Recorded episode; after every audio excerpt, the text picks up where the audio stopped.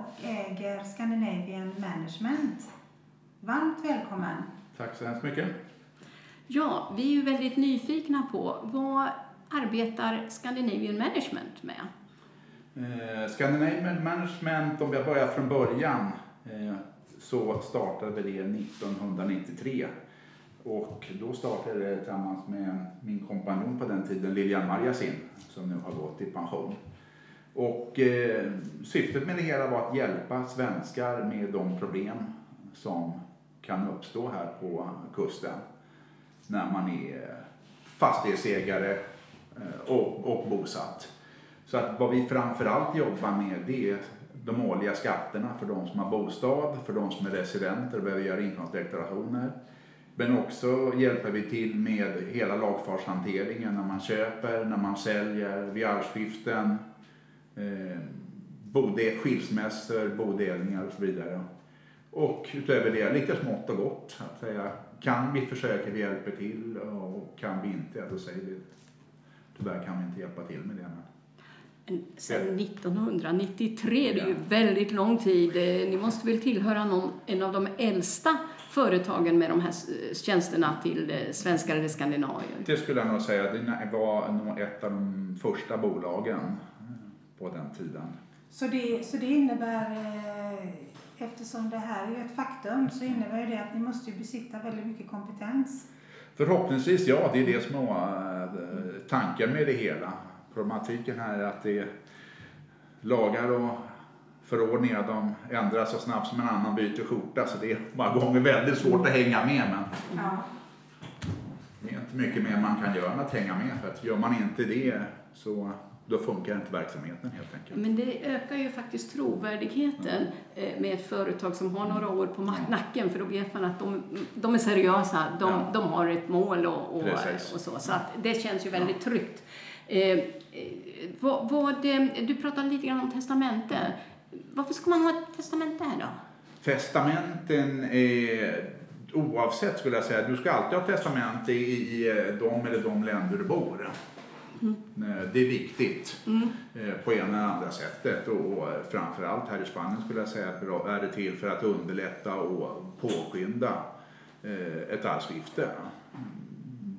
Har man exempelvis inte testamente här nere så det arvingarna ärver som svensk är plötsligt giftorättsgods. Så att Jaha. har du då låtit din son eller dotter ärva Eh, och sen har de en skilsmässa, då ska man dela upp mm. det här igen. Precis. Det är väldigt viktigt tycker jag, en av de viktigaste bitarna är just att man skriver att det ska vara enskild egendom. Ja. Sen finns det väldigt, väldigt viktigt också för de som är omgifta, barn i tidigare äktenskap. Där skulle jag säga, där är det livsnödvändigt med spanskt testamente. Ja, Ja, det, är, det är ett väldigt värdefullt tips du Precis, för, att, eh, för tittar man på hur man gör i Sverige, för där skriver man ju oftast vi ska ärva varandra och när båda avlidit mm. så ska barnen ärva mm. från tidigare äktenskap. Det är en slags kösystem som inte existerar här nere. Utan här ärver du eller så avstår du. Ja. Det är jättebra ja, information. det är väldigt viktigt. Mycket viktig information, det du säger här. Och att skriva det i Spanien. Eh. Det jag tycker också är en stor skillnad mellan Spanien och Sverige. Mm. Sverige skriver ett testamente, lägger i bankfacket. Mm.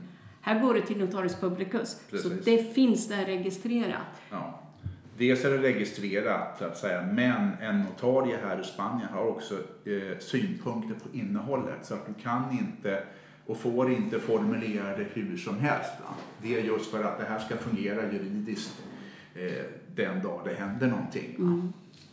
Ja, men det är jätteviktigt ja. att tänka på för att det är många som har fastigheter och kanske inte ens bor här och, och när de blir äldre kanske inte ens kommer hit mm. och det tas inte hand om och ja. vad händer sen? Man tror att det är väldigt lätt och eh, testamente är nog det, väldigt det, viktigt. Det är det, mm. det tror jag också absolut. Jättebra. Och sen har du de deklarationer. Det, är det deklarationer för oss som bor här? Eller? Det är både och. Så att säga. För de som har, har hus här nere, mm. som bosatta i Sverige, har två skatter att betala. En kommunal skatt, mm. fastighetsskatt, och den lägger man på ATI och sen har man en deklaration, en självdeklaration som varje ägare ska göra. Och det är väl där man behöver ha ett ombud eh, i de flesta fall. Mm. Och de som är fast bosatta residenter, då har vi en inkomstdeklaration som ska göras. Precis. Och, och, den är ju nog så viktig för att eh, vi svenskar som bor här, vi har ju en dubbelbeskattning. Ja. Vi betalar ju ett helt år i Sverige och sen först när vi kan visa att vi har deklarerat och eh, betalat in skatten i Spanien för föregående år, då får vi tillbaka. Ja. Nej, helt korrekt och det är tyvärr många residenter som fortfarande inte gör det här korrekt. De tror, många tror att eh, de inte behöver göra deklarationer.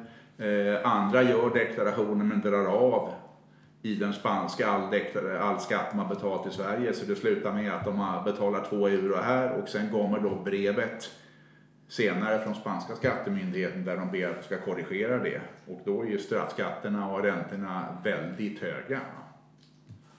Oj då, ja det är mycket att tänka på oh ja. med det här. Skatterna är ganska höga i Spanien kan vi säga också. Ja, de, är, de blir högre och högre för varje år som går.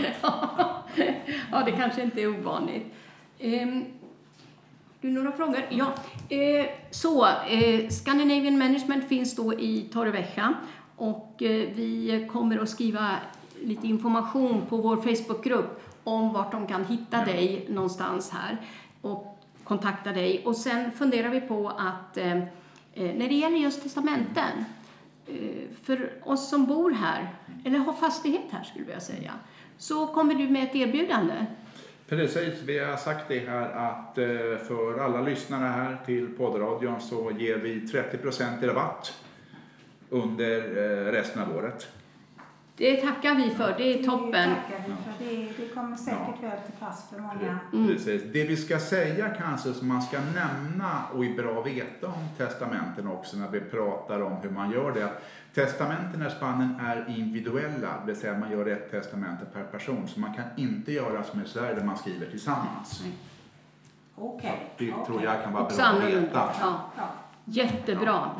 Ja, vi, vi får tacka dig. Jag vet inte om vi har några mer frågor eller något. Ni får väl skicka in frågor till oss om ni vill och höra av till eh, dig Björn ja, om det är precis. några fler utöver det vi ja. har täckt in. Ja, precis. Och, och som sagt var, eh, Varför Spanien ligger ju som en eh, Facebook-sida nu så att ja. eh, det går alldeles utmärkt att eh, komma med eh, frågor och önskemål. Precis.